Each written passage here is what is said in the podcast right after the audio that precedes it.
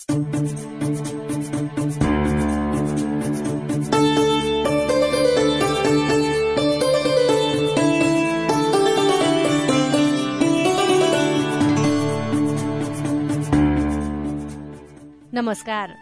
Radio कार्यक्रम साझा पहलमा तपाईँलाई हार्दिक स्वागत छ। म सुशीला श्रेष्ठ। अनि म अविनाश आचार्य। कार्यक्रम साझा पहल महिला लैंगिक अल्पसंख्यक अपाङ्गता भएका व्यक्ति र सीमान्तकृत समुदायमा सूचनाको पहुँच पुर्याउने उद्देश्यले तयार पारिएको कार्यक्रम हो। अहिले कोभिड उन्नाइस नियन्त्रणमा आएको जस्तो देखिएको छ तर यसले महिला तथा सीमान्तकृत वर्गमा आर्थिक सामाजिक तथा मानसिक रूपमा गहिरो प्रभाव छोडेर गएको छ। कार्यक्रममा हामी लैंगिक समानता र सामाजिक समावेशीकरण जेसीको दृष्टिबाट अब आउने कोभिड जस्ता महाव्याधि र विपदसँग सम्बन्धित प्रभावकारी तयारी प्रतिक्रिया र पुनः प्राप्तिको बारेमा छलफल गर्नेछौं। लैंगिक समानता र सामाजिक समावेशीकरण दृष्टिकोण भन्नाले हामी यस कार्यक्रममा महिला सीमान्तकृत वर्ग बालबालिका ज्येष्ठ नागरिक अपाङ्गता भएका व्यक्ति एकल महिला लैंगिक अल्पसंख्यक विभिन्न प्रकारका हिंसाबाट प्रभावित भएका महिला तथा किशोरी दीर्घरोगी गर्भवती तथा सुत्केरीका सवालहरूलाई प्राथमिकता दिनेछौ।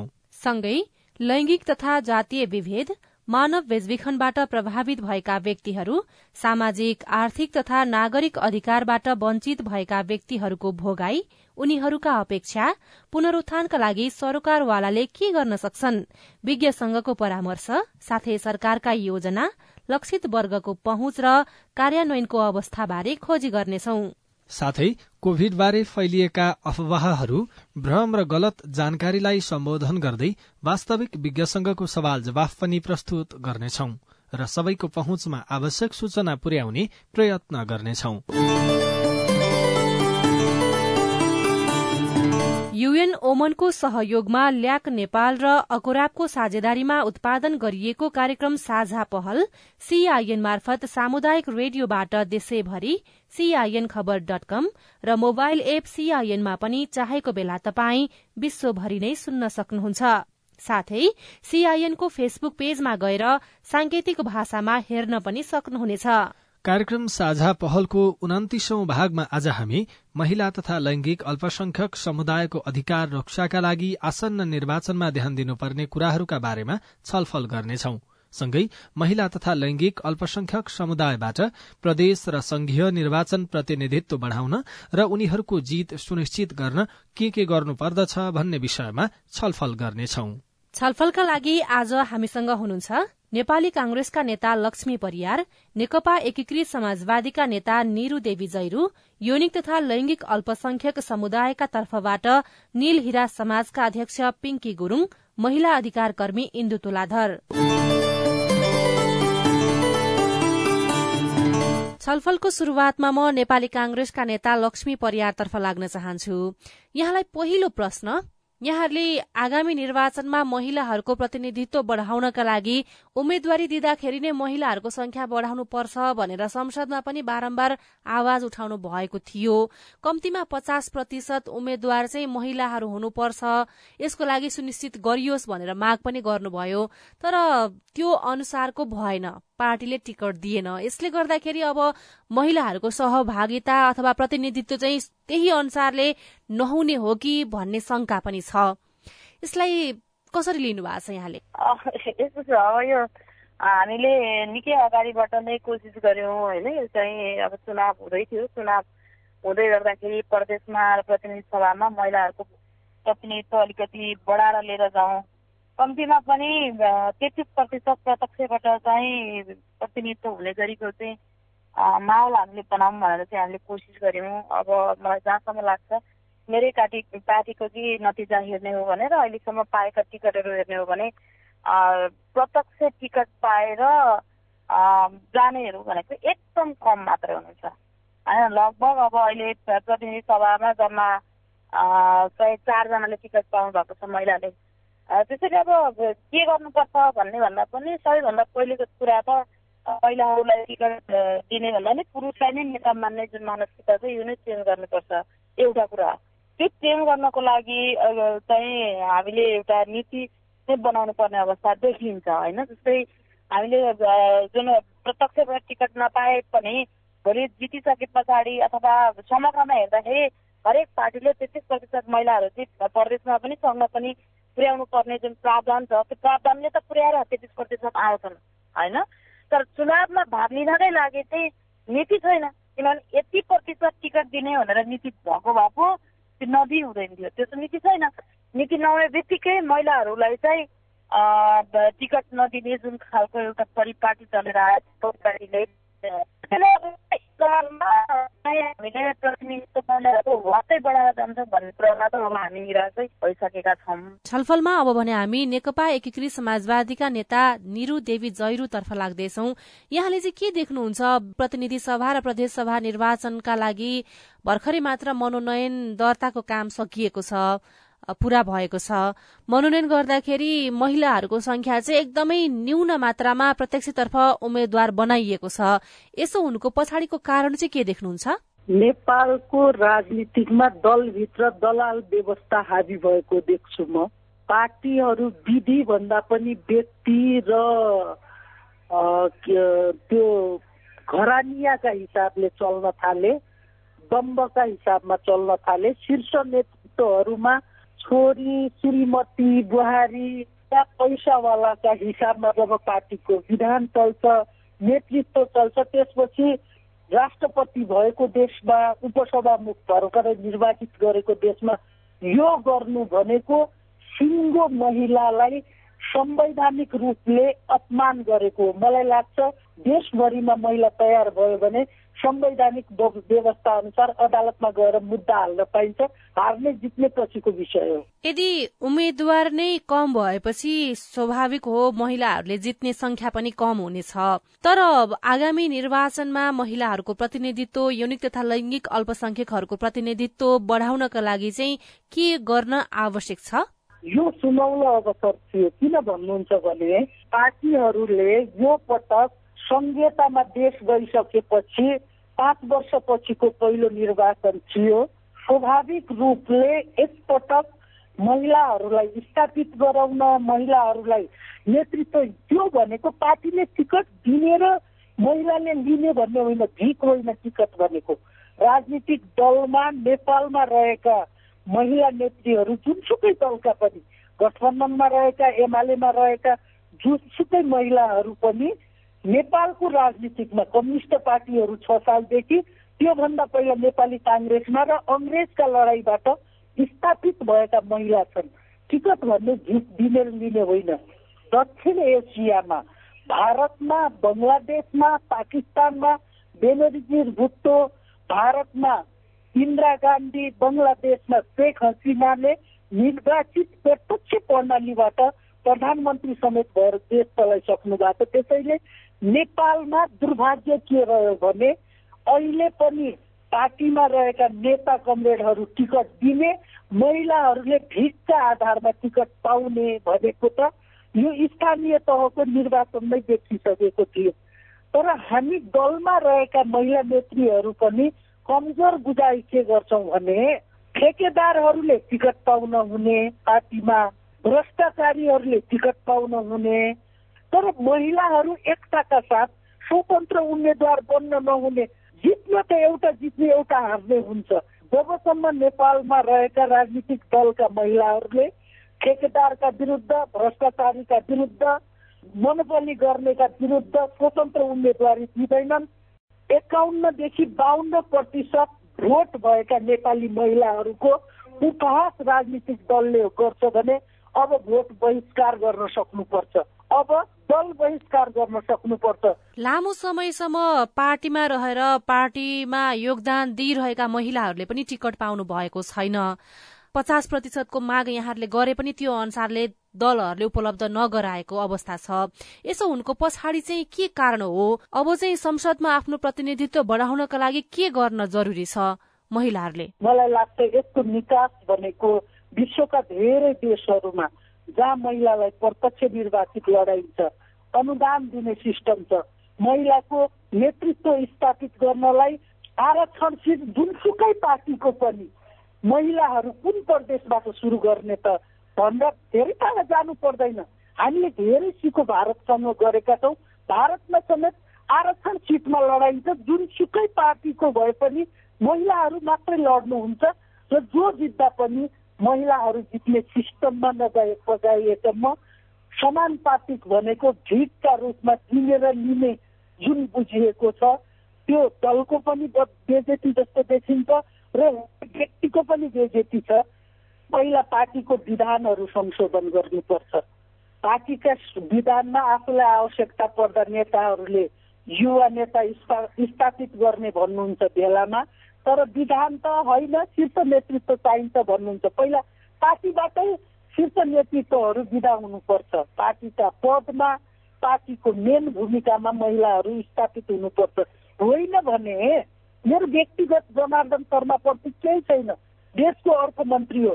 तर नैतिकता त जब सिंह दरबारमा हल्लाउन सक्ने सिसिटिभी आउँछ भने यो देशले सत्तरीको दशक पार गर्दा एकजना महिला अर्थमन्त्री ल्याउनै नसक्ने हैसियत हो त। त्यसो भए त किन लाग्ने महिलाहरूले? समानुपातिकमा बस्ने झारो तार्ने जनताको नुन खाएर भात खाएर बस्ने हो भने सबै महिलाहरूले बन्द गर्नुपर्छ राजनीति गर्न। हुनसक्छ। अहिलेको बेला अलिक कडा बहस हुनसक्छ। मलाई लाग्छ अब जुनसुकै दलका राजनीतिज्ञ महिलाहरूले टिकट भन्ने चिज यो विषय निर्वाचनका बेला मात्रै होइन। मैले फेरि पनि भने दलहरूले समीक्षा गर्न किन जरुरी छ भने एउटा पार्टीको अध्यक्षलाई ठेकदारले पनि सहयोग गर्छ तस्करीले पनि सहयोग गर्छ आम नागरिकले पनि सहयोग गर्छ महिलालाई अध्यक्ष बनाएर पठाउनु न पचास पर्सेन्ट भ्रष्टाचार त त्यो नबोलेरै पनि सकिन्छ निर्वाचन पनि सस्तो हुन्छ रक्सी खाने मान्छे महिलाहरूसँग माग्न आउँदैनन् हामीलाई ठेकदारी मिलाइदेऊ भन्न आउँदैनन् निर्वाचन सस्तो पनि हुन्छ महिलालाई उम्मेद्वार बनाउन मलाई लाग्छ गठबन्धन भन्यौँ महायात्रा भन्यौँ लोकतन्त्र बचाउने भन्यौँ तर यही गठबन्धनमा अग्रपङ्क्तिमा रहेका महिलाहरूलाई हास्यास्पद किसिमले टिकट नदिएर गठबन्धनले भद्दा मजा गरेको छ। आगामी दिन दलहरूले हेस्का राखुन् भन्ने पनि चाहन्छु। धन्यवाद। हजुर यहाँलाई धन्यवाद छ। कार्यक्रममा अब भने म नील हिरा समाजका अध्यक्ष पिङ्की गुरूङतर्फ लाग्न चाहन्छु। लामो समयदेखि यौनिक तथा लैंगिक अल्पसंख्यक समुदायको निर्वाचनमा प्रतिनिधित्व बढ़ाउने विषयमा छलफल भइरहेको छ। संसदमै पनि यहाँहरूको समुदायको प्रतिनिधित्व भएन भन्ने बहस पनि चलिरहेको छ। अब आगामी निर्वाचनमा अब आगामी निर्वाचनमा यहाँहरूको समुदायको प्रतिनिधित्व सुनिश्चित गर्नका लागि के के काम गरिरहेको छ अहिलेको अवस्थामा?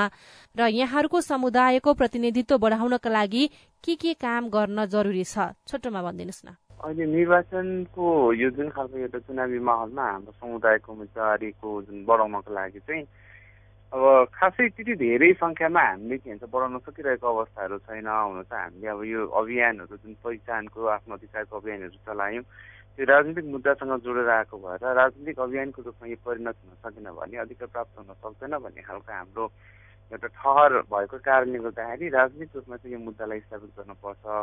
त्यो गर्नको लागि चाहिँ अब प्रतिनिधित्वहरू हाम्रो समुदायबाट हुनुपर्छ भन्ने खालको सोच लिएर चाहिँ हामीले विभिन्न खालको मुद्दाहरू उठाइरह्यौँ र अहिलेसम्म पनि नेपालमा चाहिँ एलजिबिटिआई समुदायको मुद्दाले चाहिँ राजनीतिक स्थान पाउन सकिरहेको अवस्थाहरू छैन। जसको कारण चाहिँ तपाईँको हाम्रो राजनीतिक प्रतिनिधित्व नहुनु हुन नसक्नु एउटा कारण चाहिँ रह्यो। अब हामीले अहिले चाहिँ विभिन्न राजनीतिक दलहरूले चाहिँ यो यो विषयको यो मुद्दा यो समुदायको मुद्दालाई चाहिँ कसरी हेरिरहेको छ र कसरी उहाँहरूले चाहिँ अब हाम्रो समुदायको लागि स्थान दिन खोजिराख्नुपर्छ भन्ने तरिकाले हामीले हेरिरहेको छौँ र एडभोकेसी पनि त्यही तरिकाले गरिरहेको छौँ।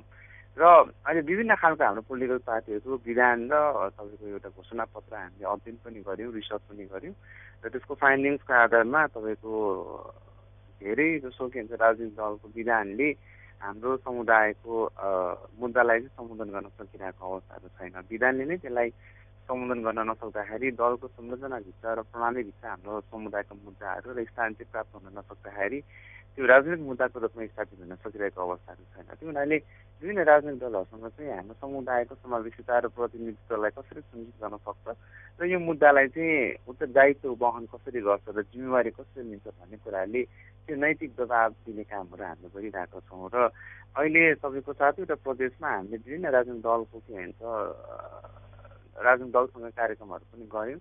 र अहिले चाहिँ तपाईँको एकीकृत समाजवादबाट र तपाईँको यो स्वतन्त्र पार्टीबाट चाहिँ के छ? हाम्रो चुनावी समानुपातिको लागि उम्मेदवारी दिएको अवस्थाहरू छ।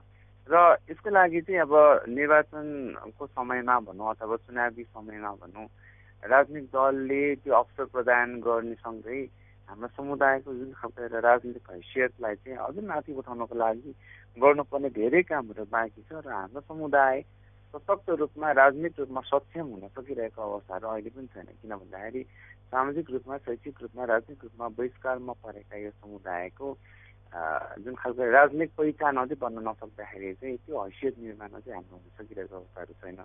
त्यो हुनाले हामीले समुदायको एउटा भनौँ राजनीतिक हैसियत निर्माण गर्नका लागि क्षमता अभिवृद्धिका तालिमहरू राजनीतिक जनचेतनाहरू अथवा जुन खालको एउटा पोलिटिकल अपडेटहरू गराउने कामहरू गर्नुपर्ने आवश्यकताहरू रह्यो र धेरैभन्दा धेरै तपाईँको यो अब उम्मेदवारीको हिसाबले हाम्रो प्रतिनिधित्वको समावेशका कुराहरू जसरी हामीले उठाउँछौँ सङ्ख्यात्मक हिसाबमा हाम्रो समुदायका साथीहरू धेरै मात्रामा खुलेर अगाडि आउनुपर्ने र राजनीतिक दबाब दिनुपर्ने जुन आवश्यकताहरू छ त्यहाँनिर हामी चुकिरहेको अवस्थाहरू छ जस्तो लाग्छ। हामीले त्यो त्यसो हुँदाखेरि चाहिँ हामीले समुदायभित्र एउटा राजनीतिक सचेतना र राजनीतिक हैसियत निर्माणसँगै तपाईँको राजनीतिक स्थानहरू प्राप्त गरेर तपाईँको के भन्छ त्यो एउटा भनौँ न विभिन्न राजनीतिक दलको संरचना र प्रणालीभित्र यो समुदायलाई कसरी एड्रेस गर्न सकिन्छ कसरी त्यहाँ समावेश गर्न सकिन्छ भन्ने खालको कुरालाई चाहिँ संस्थागत गर्ने हाम्रो जमक रहेको छ। त्यो गर्नुपर्ने आवश्यकताहरू छ।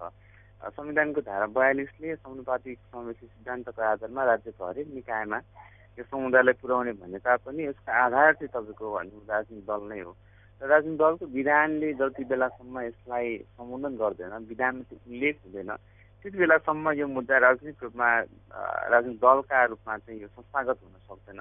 त्यो हुनाले यो विषयवस्तुलाई संस्थागत गर्नको लागि विभिन्न पोलिटिकल पार्टीको लिडरहरूसँग पोलिटिकल पार्टीभित्र हामीले वृहत छलफल पनि गरिरहेछौँ र यसको अध्ययन अनुसन्धान पनि गरिरहेछौँ।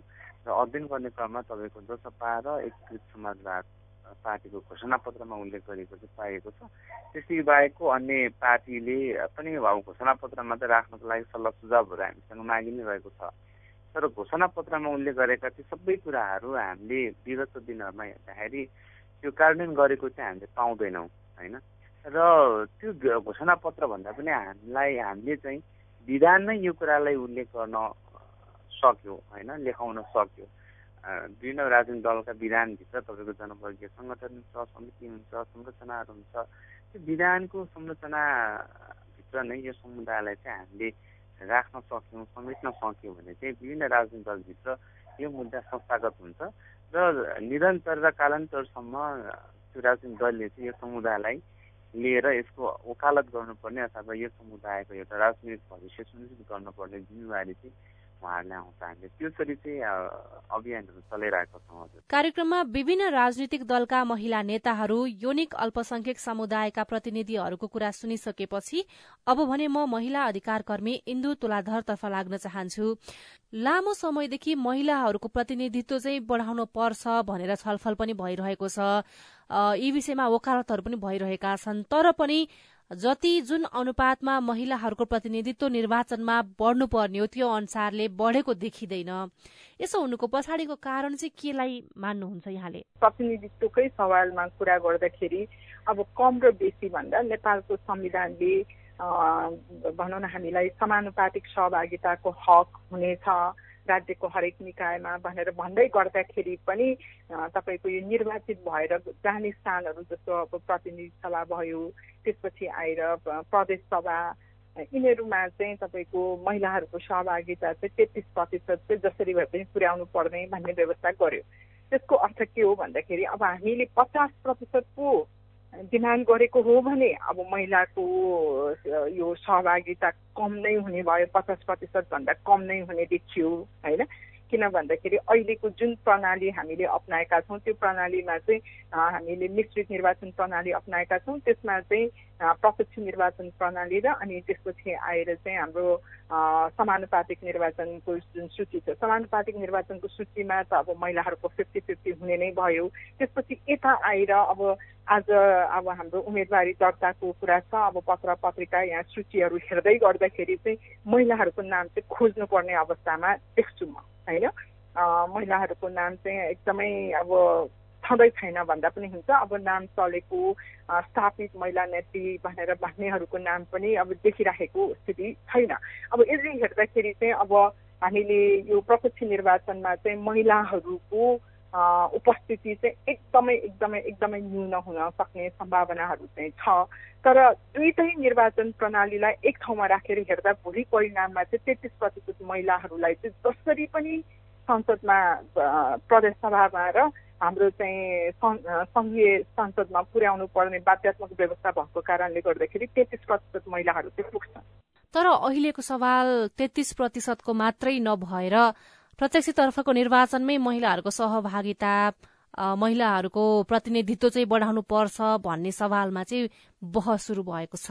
हाम्रो निर्वाचन प्रणालीले नै के भन्छ भन्दाखेरि चाहिँ निर्वाचन प्रणाली अहिले हामीले जुन आत्मसात गरेका छौँ त्यसले के भन्छ भने समानुपातिक र प्रत्यक्ष दुइटैलाई प्रत्यक्ष समानुपातिकबाट चाहिँ यदि उपलब्धि हासिल गर्न सके के अरे प्रत्यक्ष निर्वाचन प्रणालीबाट चाहिँ यदि महिलाहरूको जित सुनिश्चित हुन सकेन महिलाहरू जित्न जितेर आइन भने तेत्तिस प्रतिशत पुर्याउन चाहिँ समानुपातिक सूचीबाट लिएर चाहिँ पुर्याउने भन्ने व्यवस्था छ नि त। होइन? त्यसकारण चाहिँ यो दुइटैबाट आएपछि चाहिँ यो समग्रमा चाहिँ अहिलेको अहिलेको कानुन र अहिलेको संविधानले चाहिँ समग्रतामा हेरेको छ कि यो तेत्तिस प्रतिशत पुर्याउनु पर्ने कुरा।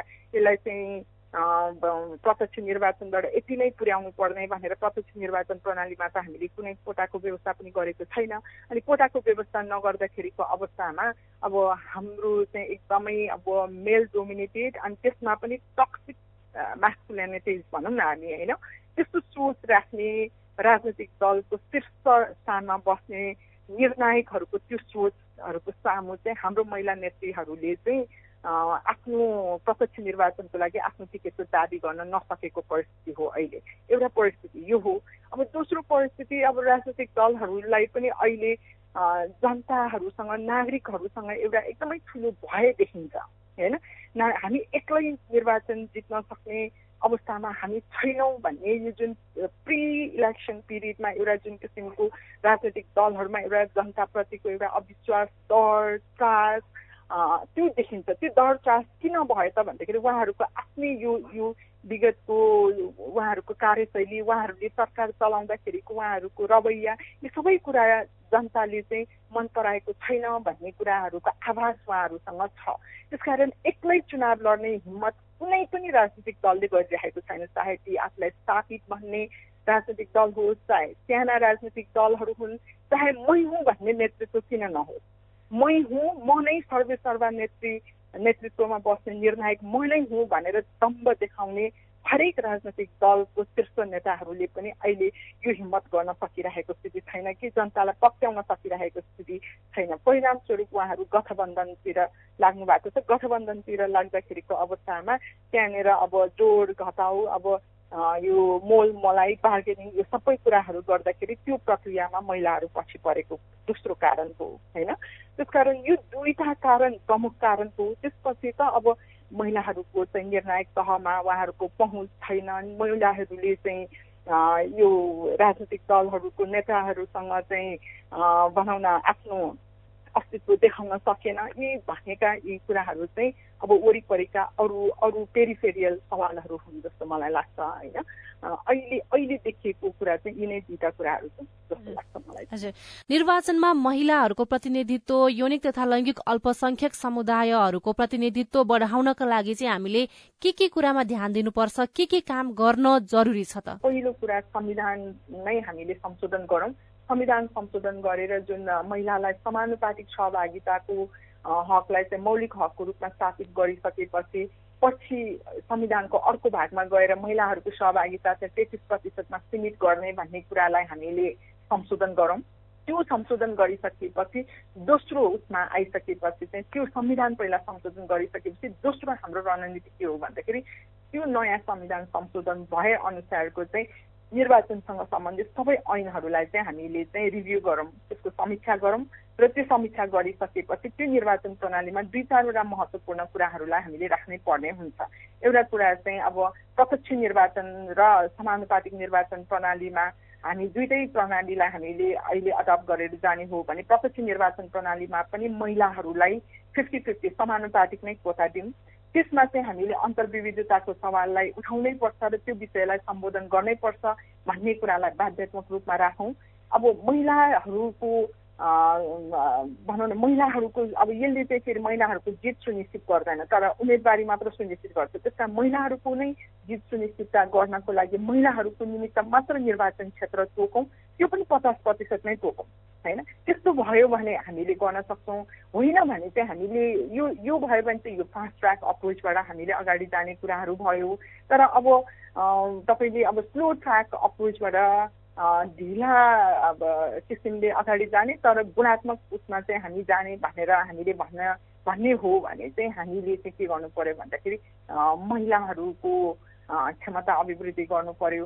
महिलाहरूको क्षमता अभिवृद्धि अब यो भनेको चाहिँ अब अर्को ठुलो अर्को एउटा छलफलको अर्को पाटो हो। तपाईँ गुणात्मक शिक्षाको कुरा गर्नु पर्यो महिलाहरूको नेतृत्व विकासको कुराहरू गर्नु पर्यो महिलाहरूलाई चाहिँ अब विभिन्न ठाउँमा अवसरहरू दिने कुराहरूदेखि लिएर सारभूत समानता सुनिश्चित गर्ने अरू रणनीतिहरू अप्नाउनु पर्यो भन्ने कुराहरू जान्छौँ जुन चाहिँ अहिले हामी गर्न सक्दैनौँ। अहिले यो यो गर्न सक्दैन भन्नु मतलब मैले यो टकमा चाहिँ यो रिकमेन्डेसन्सहरू दिन सकिँदैन। त्यस कारण यो ढङ्गले हामीले कुन अप्रोचलाई जाने भनेर भन्दै गर्दाखेरि फास्ट ट्र्याक लिने हो भने मैले अघि भनेको त्यो नै अप्रोचमा हामी जानुपर्ने हुन्छ। त्यो ट्र्याकमा हामी जाने हो भने इन्भेस्ट इन एजुकेसन होइन? हामीले शिक्षामा लगानी गरौँ र पुरौँ हामी केही वर्ष अनि त्यसपछि महिलाहरू चाहिँ जब एकदम सबजना महिलाहरू सचेत शिक्षित र अनि यिनीहरूको चाहिँ राजनीतिक दलका पुरुषहरू जो छ उहाँहरूलाई विस्थापित गरेर त्यो नेतृत्वमा पुग्न सक्ने क्षमताको वृद्धि गराउँ त्यसपछि अगाडि जाउँ भन्ने रणनीति पनि अप्नाउन सक्छौँ। तर हामी त्यो रणनीति अप्नाएर भनौँ न त्यो जान नसक्ने हुँदाखेरि दुइटै रणनीतिलाई साइमल्टेनियसली सँगसँगै लानुपर्ने स्थिति हामी कहाँ छ? त्यसले गर्दाखेरि चाहिँ पहिलो रणनीतिबाट महिलाहरूलाई पुर्याउँ र त्यस्तो महिलाहरूलाई पुर्याउँ जसले चाहिँ दोस्रो रणनीतिलाई कार्यान्वयन गर्न सक्ने क्षमता राख्दछ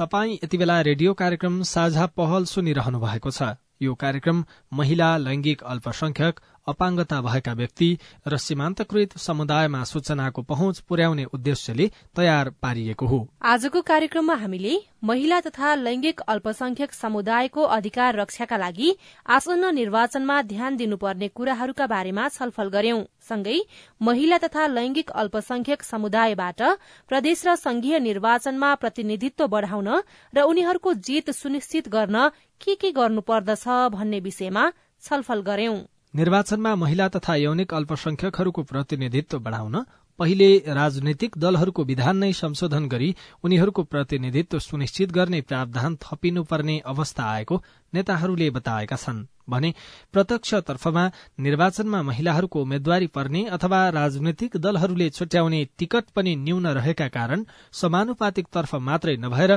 प्रत्यक्ष निर्वाचनमा समेत उनीहरूका लागि आरक्षणको सीट व्यवस्था हुने गरी संविधान र निर्वाचन ऐन संशोधन गर्न आवश्यक रहेको विज्ञहरूको भनाइ छ।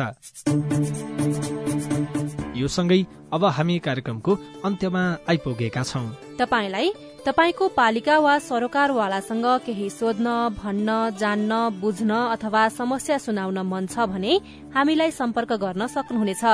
केही प्रश्न प्रतिक्रिया र टिप्पणी छन् भने हाम्रो टेलिफोन नम्बर शून्य एक बान्न साठी छ चार छमा फोन गरेर दिइएको निर्देशन अनुसार रेकर्ड गराउन सक्नुहुनेछ।